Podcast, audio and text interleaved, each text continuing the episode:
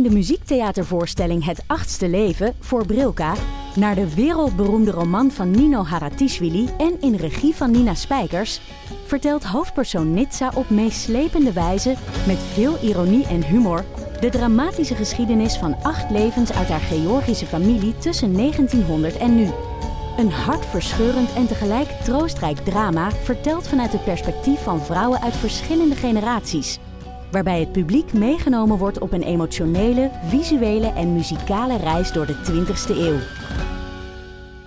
Koop je tickets voor het achtste leven via oostpol.nl. Luister jij al naar de podcast Co en Zo? Ik ben Rick Paul van Mulligen. Ik ben Nina de Lacroix. En samen met jouw man René voeden wij twee kinderen op in twee huizen. Co-ouderschap. We hebben het over alles wat je daarin tegenkomt. Maar ook over de juice tijdens onze kinderloze dagen, want die heb je ook in het co-ouderschap. Een podcast voor alle ouders in alle vormen, maar ook voor alle mensen zonder kinderen. Zijn we eerlijk, heerlijk herkenbaar. Dus luister naar Co en Zo in je favoriete podcast-app. Dag hallo schatten, dit zijn je honingmoeders vers uit de première van Zelfweten. Helemaal gaar, maar o zo tevreden. Welkom allemaal bij Damn Honey.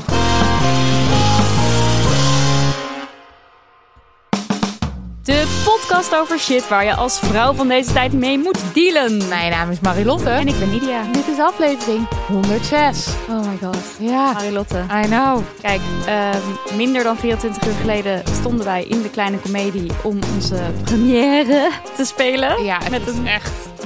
En nu zitten we hier, ander Ja, leven. En die zaal die zat vol en er waren dus ook recensenten. En net voordat we hier eh, de opnameknop startten, kregen we dus de recensies binnen. Ja, Ik scheet zeven kleuren. zeven. Ja, ik zat even te denken, hoeveel kleuren scheiden mensen ook alweer? Zeven, zeven Zeven. exact. Zeven kleuren. Oh, maar Eh, dit is ja. zo. Ik heb gewoon. Ik kan niet eens uitleggen hoe eng dit hele avontuur was. Know. En hopelijk nu minder eng gaat zijn. Maar het was ook, het is ook geweldig en fantastisch. Ja, en de was, zaal was geweldig. het was een absoluut hoogtepunt.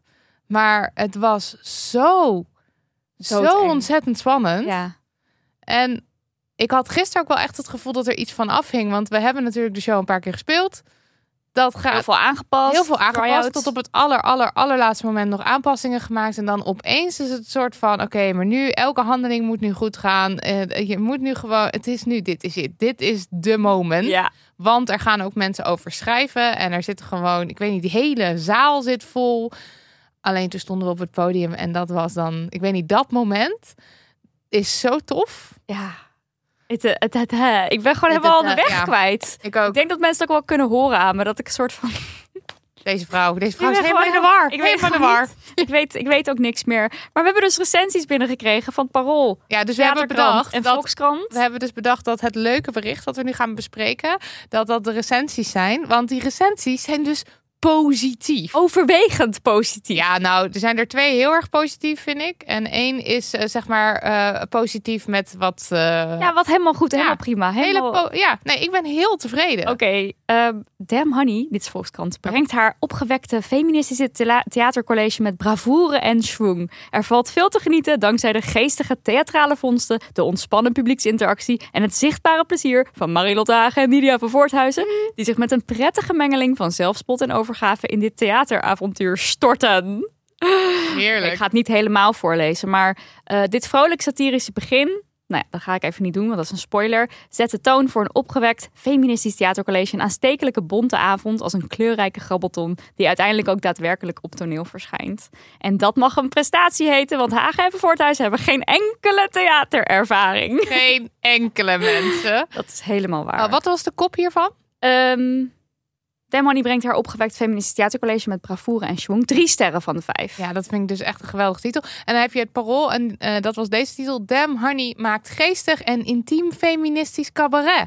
En dan staat er onder de foto... Nidia van Voorthuis en Marilotte Hagen zijn geen grote actrices. Maar ze hebben wel bakken charisma, attitude en zelfvertrouwen. Nou, daar ga ik echt een partij lekker op, joh.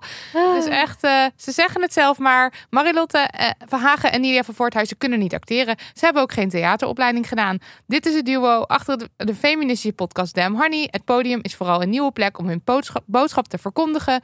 En eh, dan staat er... Hoe maak je daar, zeker zonder ervaring, in hemelsnaam cabaret van? Nou, door te spelen dat je cabaret maakt, door te benoemen wat je doet en daar de lach uit te halen.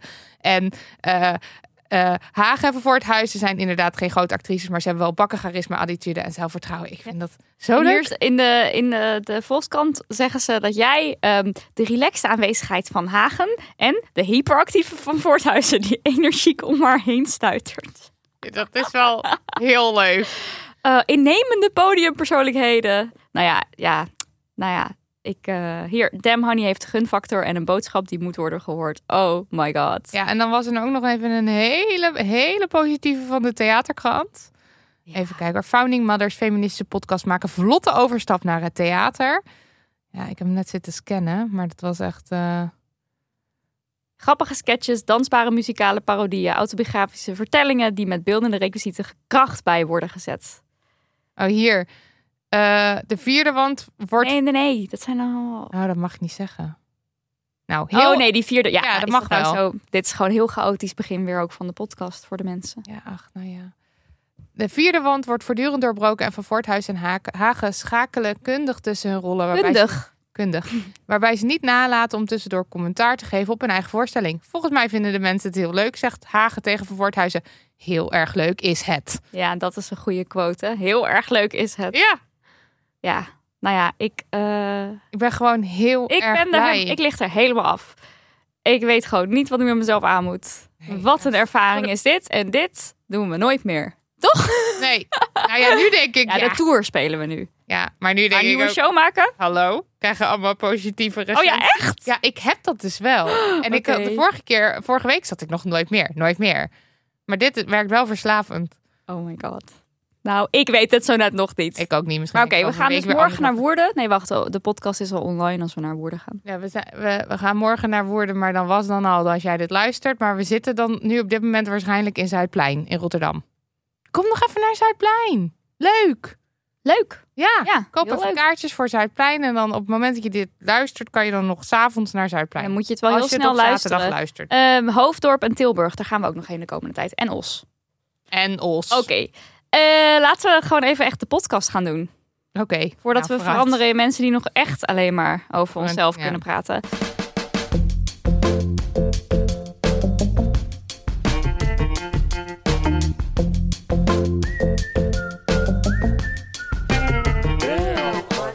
Nou oké, dan eh, gaan we maar eventjes terug naar eh, het vaste stramien van de podcast inderdaad. En dat is de Damn Honey No. En die heb jij niet. Ja, die heb ik. Die heb jij niet. Dat was even heel Die heb jij? verwarrend. Niet. Niet met N, Die heb jij wel, niet? Ehm, Oké, één. Er was van alles aan de hand met Forum voor Democratie. En Oh ja. Gideon van Meijeren, heet hij zo? Ik heb dit dus even niet uitgewerkt, maar ik wil dat wel even zeggen. Nou ja, die had dus een Hart van Nederland journalist, Merel Eck, op een soort hele nare manier, ehm, eh, ja, zo stiekem opgenomen. Terwijl zij dan iets zei over eh, een eerder interview wat zij met hem had gedaan. En dan ging het echt zo rioolratten ontmaskerd. Want dat is dus rioolratten, dat zijn dus journalisten volgens het Forum voor Mm. Democratie.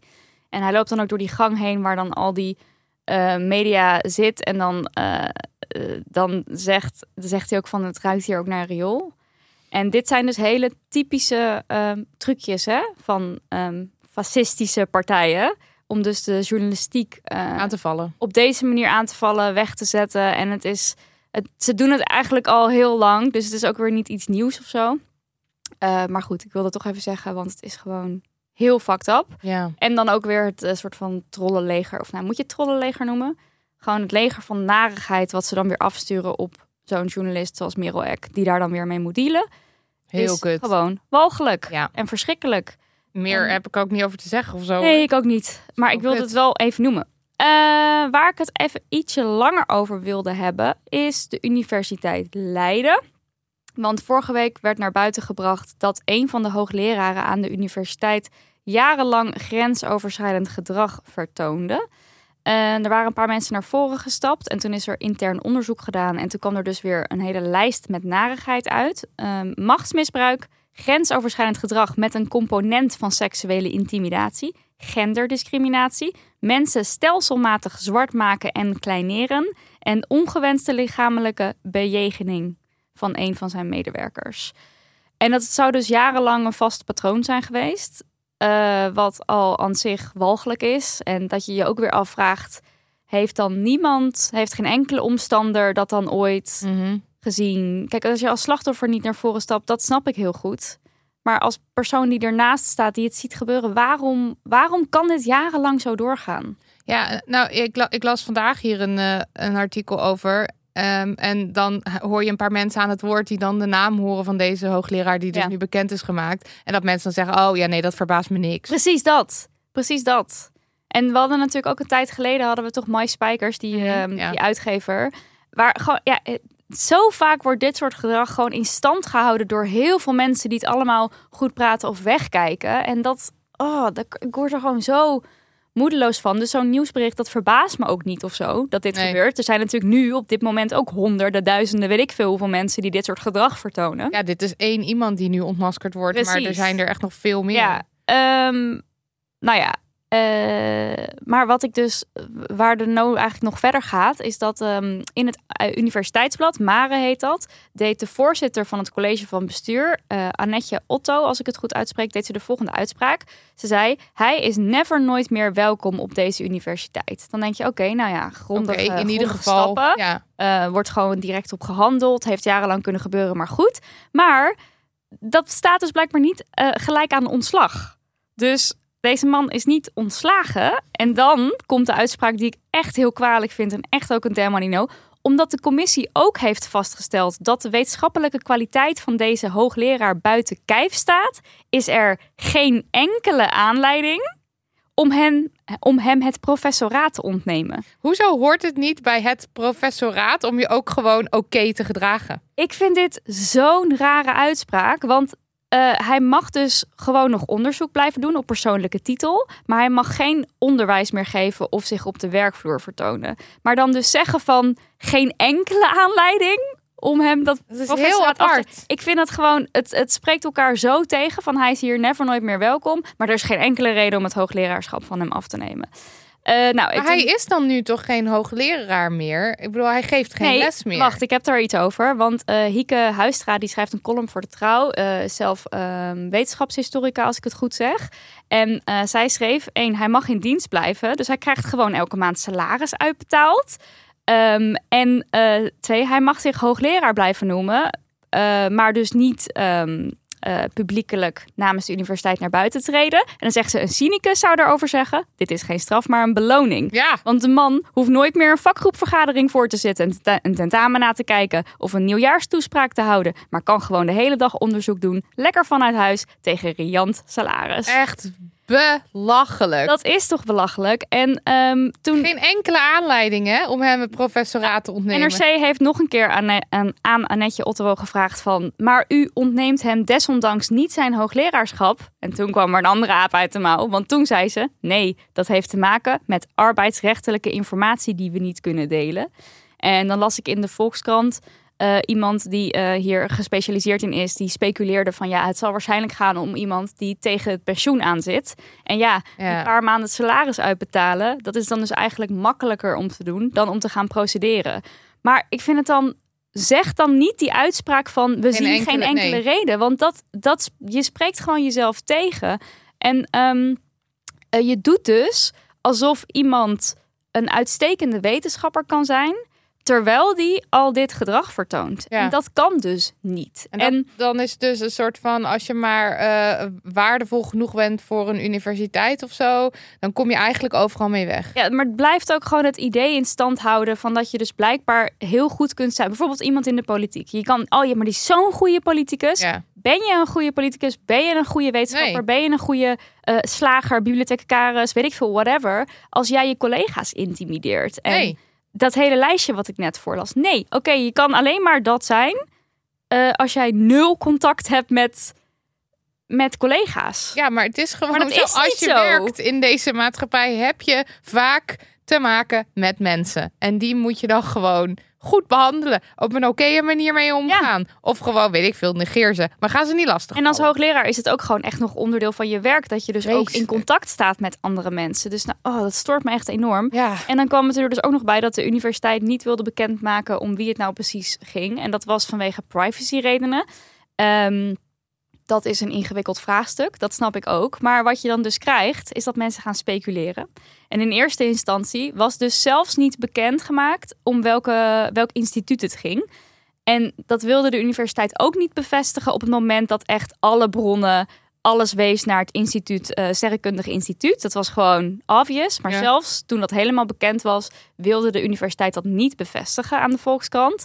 En wat je dus krijgt, is dat mensen dan onderling gaan lopen. Ja, er zijn hier ongeveer 15 mannelijke hoogleraren bij dit instituut. Wie kan het dan zijn? ja. En er was dus één hoogleraar die had zo precies eigenlijk in die periode dat er onderzoek naar deze man was gedaan, niks meer op de universiteitsserver gedaan, omdat hij ergens anders eh, gastdocent of whatever was. ja. Dus hij voelde zich genoodzaakt om te gaan zeggen van, it Ik ben is, het niet. ja, it's not me.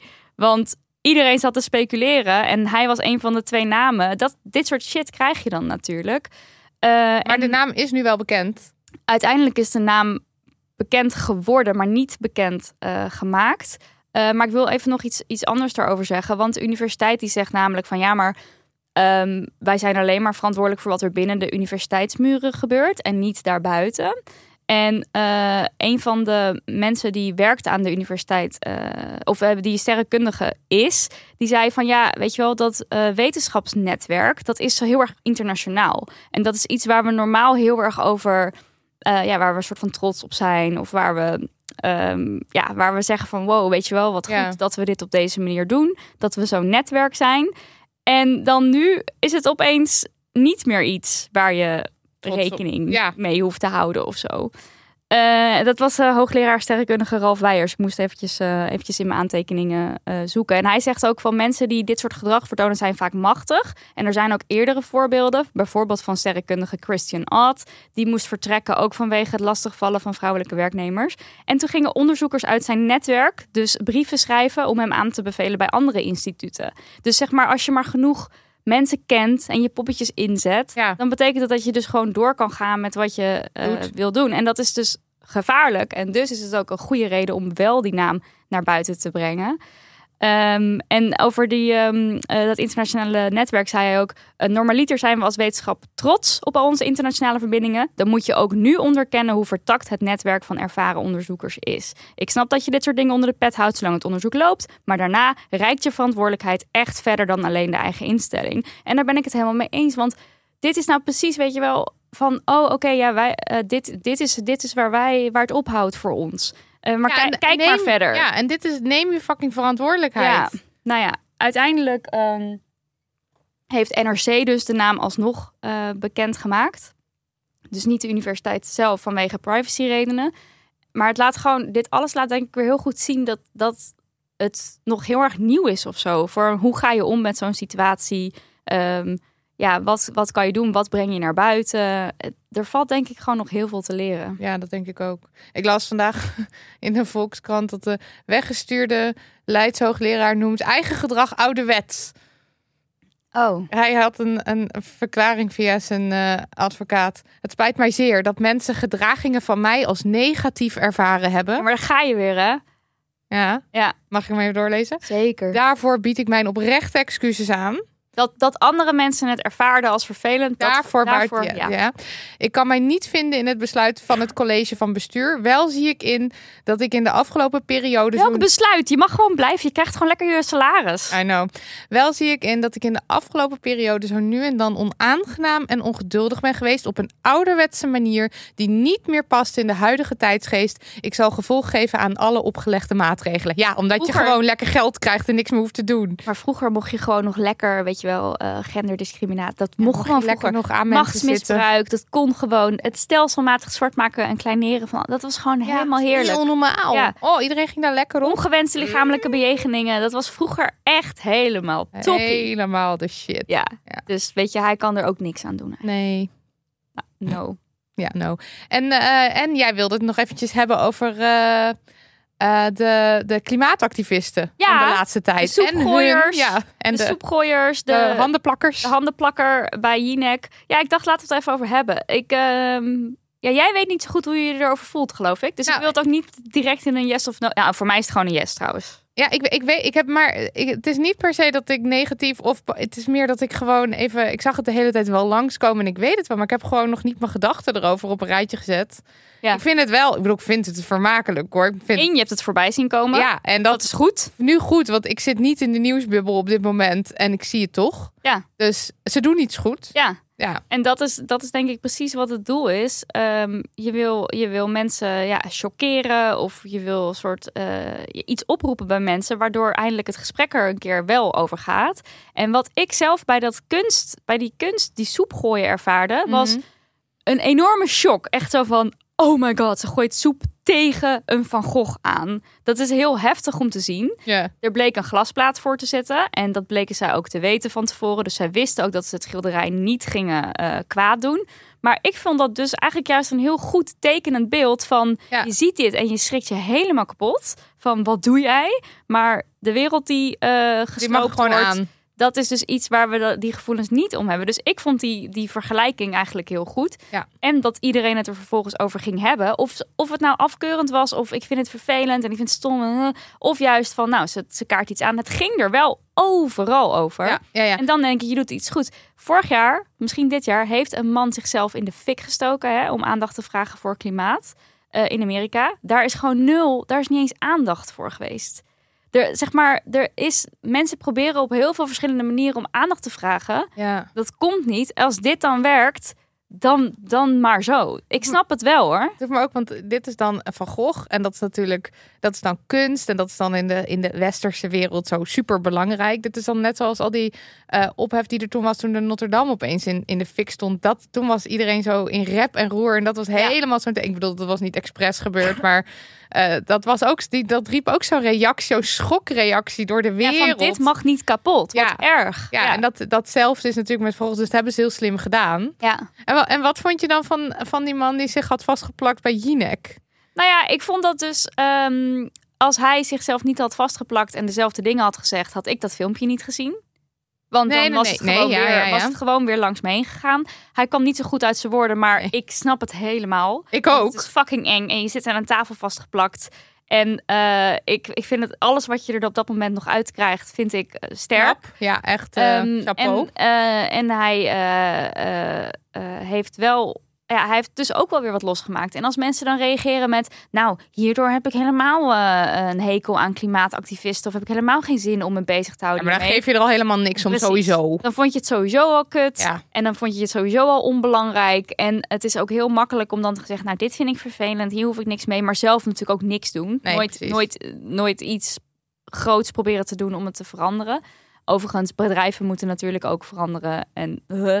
Maar ik, eh, ja, ik, het zijn gewoon manieren om aandacht te krijgen. En het maar- werkt. maar- dat is het hele Ja, ding. Nou, dat vind ik ook. En eh, tege- tegelijkertijd is het nou wel eh, eh, de, die, de- dat het nu gaat over de, de manier waarop of zo. Dat iedereen daar dan een mening over heeft. Heb, hebben we het dan echt over het klimaat? Niet dat het, niet dat het eerst beter was dan nu of zo hoor. Maar gaat het dan nu niet de hele tijd over... oh, die mensen die zichzelf vastplakken... of die mensen die soep gooien. Luisteren we dan wel Nou, echt naar de het- boodschap? Daar nou, weet ik niet. Maar de boodschap die is wel overgedragen.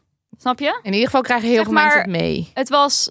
eh, het is in ieder geval dat het nu meer daarover gaat dan toen ze het niet deden. Ja, nee, dat is zo. En eh, zij roepen natuurlijk zelf ook de hele tijd op. Want eh, die man die zichzelf had vastgeplakt, die zegt ook: eh, vraag hier mensen aan tafel uit Nigeria die, die te maken hebben met deze shit. En waar honderden mensen doodgaan. Laat eh, mensen uit de Amazone, activisten, laat die aan het woord. Dus hij roept wel ook op om dat te doen. Ja. En de talkshows, die zijn natuurlijk zelf ook zo dat ze het interessant vinden om zo iemand aan tafel te hebben om te komen praten over het soepgooien.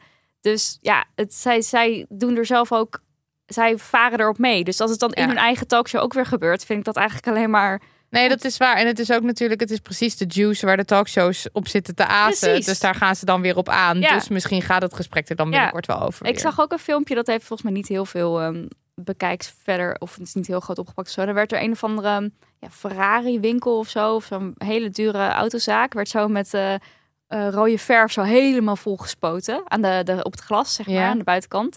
Dat vond ik ook top. Heerlijk. Ja. Nou, dat is goed dat je dat Ja. even zegt. Ja, het is natuurlijk ook wel, want mensen zeiden ook wel, ja, waarom nou kunst? Want kunst, eh, weet je wel, er zijn ook heel veel mensen die zeggen, oh, kunst, stom, kunst, hoef ik niet, wat een onzin. Waarom moeten we daar geld aan? Dus waarom moet je het nou op kunst richten? Eh, en daar kan, dat kan ik me dus ook vind, ergens in vinden. En dat je dan denkt van, oké, pak dan liever zo'n inderdaad zo'n bedrijf aan wat heel groot is. En, Ja, nou ja. ja. Maar ik vond dus het shock-effect van zo'n soep tegen die van Gogh, dat werkte volgens mij Ja, ja, ja. goed. En maar ik vond dus ook de, de activist die toen aan het woord kwam, eh, heel eloquent. Ja, Die kon echt goed Ja, haar boodschap zeker. overbrengen. Ik was helemaal onder de indruk, Ja. echt weggeblazen. Ja. En die was ook heel duidelijk van, eh, ja, nou, wij weten heus wel dat er een glasplaat voor zit en eh, dat we er niks mee hebben. Maar eh, de wereld eh, daarentegen zit geen glasplaat voor, hoor. Ja, ja, nee, nice. vond ik ook top. Eh, ja, jezelf vastplakken ergens aan zou je doen? Nou, ik, wij hadden even weer over theater een klein beetje secondenlijn aan, onze handen. En ik heb er de hele, ik heb er twee dagen last van gehad. Ja. Dus ik weet niet of ik het zou doen. Nou, ik weet het niet. Misschien als ik heel erg het, eh, het eh, ah, he- echt, ja, misschien als ik heel erg veel fire voelde over iets. Eh, vastplakken, weet niet of dat per se mijn ding is, maar zo'n ergens zo'n actie. Dat Ja, daar zou ik er wel aan mee willen doen. Ja, ja, ja. Krijg nu allemaal mailtjes van Extinction Ja, Rebellion. Rebellion. Ja, we dragen jullie een warm hart toe hoor. Extension Zeker, Rebellion. zeker. Ja. Eh, Eh, ja, Een yes. Een yes van mij. Eh, ik heb één even een. Nou, ik heb eigenlijk gewoon twee tippies. Tippies. Tippies, ouderwetse tippies. Eén is de film Bros. Die is net in première gegaan en die draait nu in de bioscoop.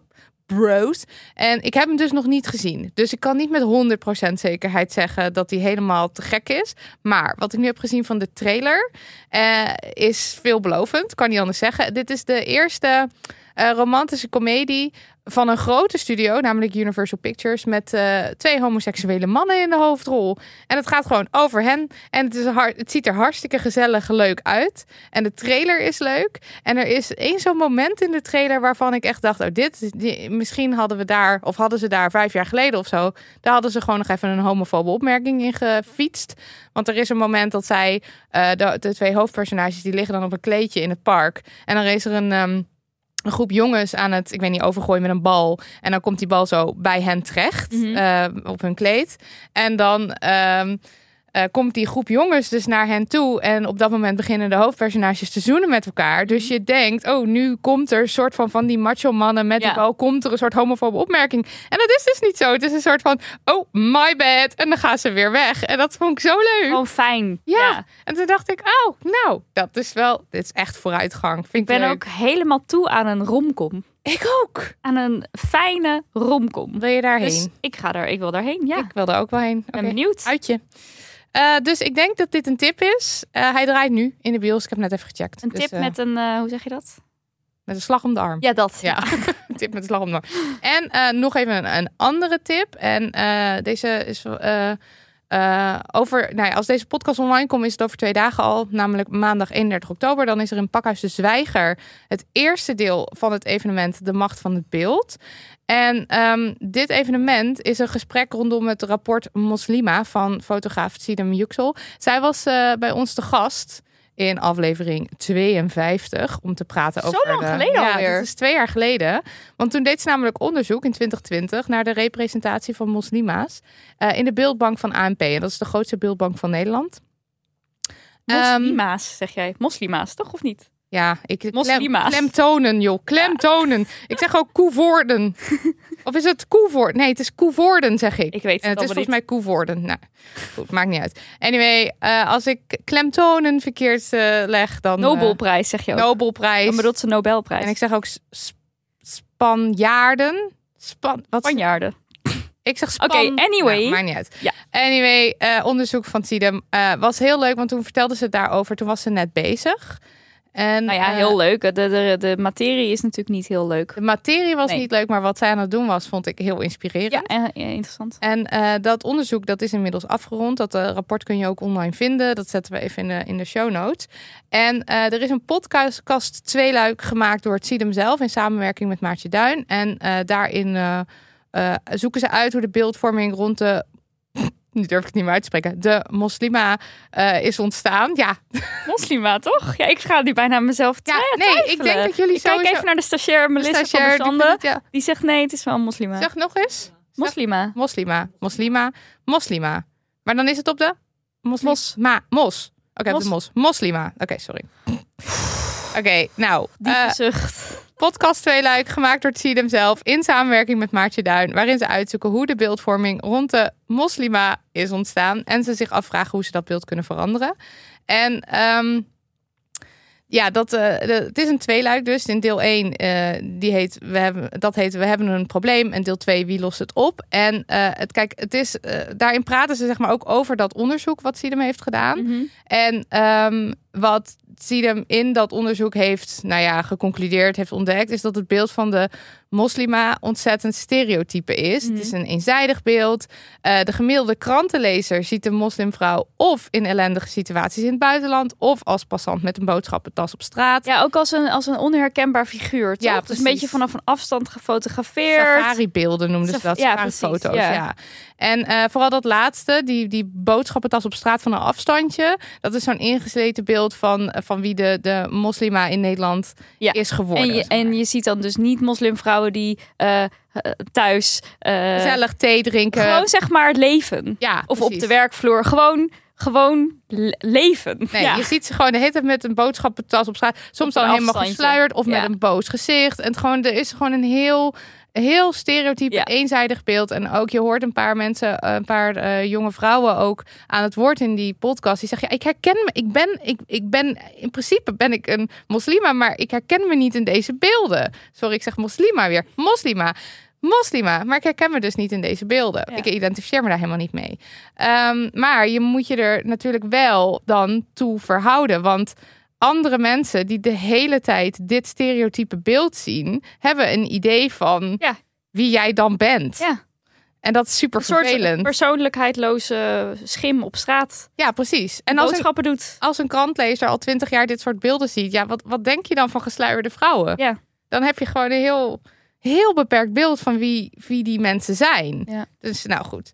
En ehm, wat, eh wat uh, Tinem toen, ja, die, die is trouwens toen ook in die, die is in die podcast ook eh, de confrontatie aangegaan met Ja, de ANP. Dat is een heel Oh, heftig. Heel heftig ja. stuk. Ook omdat de ANP dan zegt van ja, je noemt ons racistisch. Dat staat nergens in dat rapport van haar. Maar de, de, Dat, dat vielen daar heel ja. erg over. Maar ja, wat ze natuurlijk zich afvraagt is... Wat is, wat is exact het probleem en waar ligt die verantwoordelijkheid dan? Ligt het bij de, bij de krantenlees of ligt het bij de, bij de beeldbank? Ligt het bij de fotograaf? Ja, want het gaat ook om tags die gegeven worden aan foto's. Ja, toch? dat het dan bij de zie beeldbank. je een gesluierde vrouw en dan staat daar, staan daar allemaal tags bij. En dan eh, eh, allemaal woorden die misschien er helemaal niks mee te maken hebben. Zoals inburgering of zo. En dan Precies. krijg je dat soort beelden. Ja. Dus het is gewoon heel... Het is een complex probleem, maar ook duidelijk, zeg maar. Dus het is ook een soort van... Wanneer gaan we dit nou oplossen? Je hebt natuurlijk ook vaak met eh, islamhaat eh, of, of ook eigenlijk in het algemeen ook discriminatie, uitsluiting, dat het niet zo tastbaar is. Of dat je het heel moeilijk, dat je dus wel een gevoel hebt van het klopt niet. Maar wat Sidam hier heeft kunnen doen, wat dus heel goed is, is het ook echt bewijzen. Ja, Want dit is aan de hand, dit zijn de beelden die jullie laten zien. Gewoon echt feitelijk. En het is natuurlijk verschrikkelijk dat de verhalen van mensen niet voldoende zijn. Uh, maar dit gaat dus wel hopelijk helpen om weer verandering. Ja, maar dan hadden ze dus bij het. ANP er ook weer een handje van om te zeggen: ja, luister, jij hebt allemaal beelden eh, geanalyseerd waar het woord moslima eh, eh, bij staat.